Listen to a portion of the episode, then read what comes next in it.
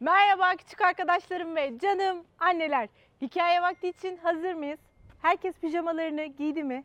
Hepinizin keyifli, sağlıklı ve mutlu olduğunu umut ederek bugün küçük bir değişiklik yaparak evin yakınındaki parkta çekimi yapalım dedik.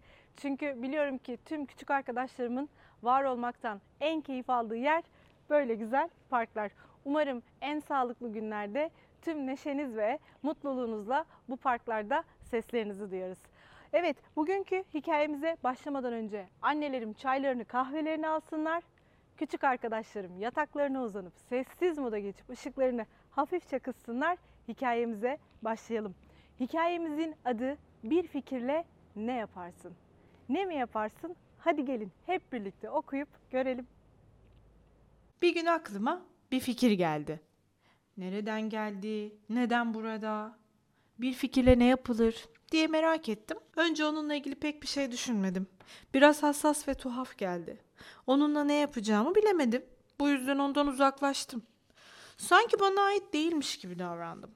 Ama o beni takip etti. Başkalarının ne düşüneceği hakkında endişelendim. İnsanlar fikrim hakkında ne diyeceklerdi? Fikrimi kendime sakladım. Onu gizledim ve onun hakkında hiç konuşmadım.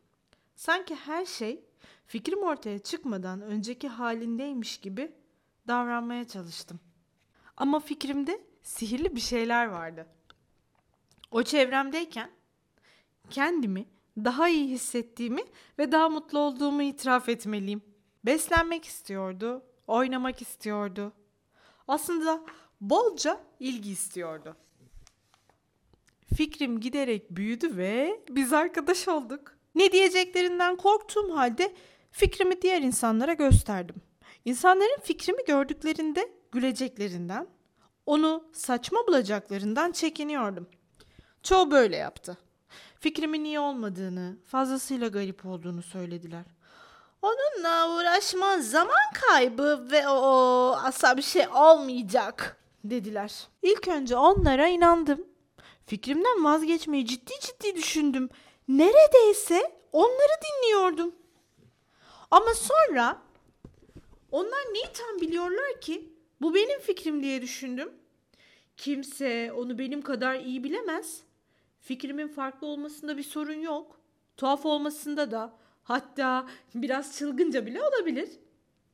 Onu korumaya karar verdim. Ona sahip çıktım, güzelce besledim. Üzerinde çalıştım ve onunla oynadım. Her şeyden önemlisi de ona bütün ilgimi verdim. Fikrim büyüdükçe büyüdü. Ona olan sevgim de öyle. Ona yıldızlara bakabileceği, tavanı açık, yeni bir ev inşa ettim. Hayal kurmanın güvenli olacağı bir yer. Fikrimle olmaktan hoşlanmaya başladım. Sanki her şeyi yapabilirmişim gibi kendimi daha canlı hissetmemi sağladı.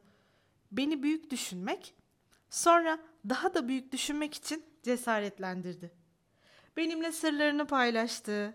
Ellerimin üzerinde nasıl yürüyeceğimi gösterdi. Çünkü farklı bir bakış açısına sahip olmak güzeldir dedi. Artık hayatımı onsuz hayal edemiyordum. Sonra bir gün harika bir şey oldu. Fikrim gözlerimin önünde değişti. Kanatlarını açtı, havalandı ve gökyüzüne doğru yükseldi. Nasıl tarif edilir bilmiyorum ama sadece burada değil. O artık her yerdeydi. Sadece benim bir parçam olmaktan çıkmış, her şeyin bir parçası olmuştu. Ve sonra bir fikirle ne yaparsın? Anladım. Dünyayı değiştirirsin. Evet, hikayeyi beğendiniz mi? Ben çok beğendim. Çünkü orada öyle güzel mesajlar vardı ki insan bazen gerçekten edindiği bir fikirle ya da aklına gelen bir fikirle ne yapacağını bilemeyebilir. Utanabilir, sıkılabilir ya da düşüncelerden düşüncelere kafası karışabilir. Ama oradaki küçük arkadaşımız bize çok güzel bir yol gösterdi.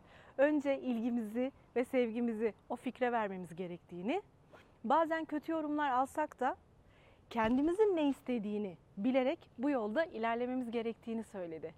Ben inanıyorum ki tüm ilerleyen hayatınızda hepinizin en güzel fikirleri tüm dünya için aydınlık ve umut olacak.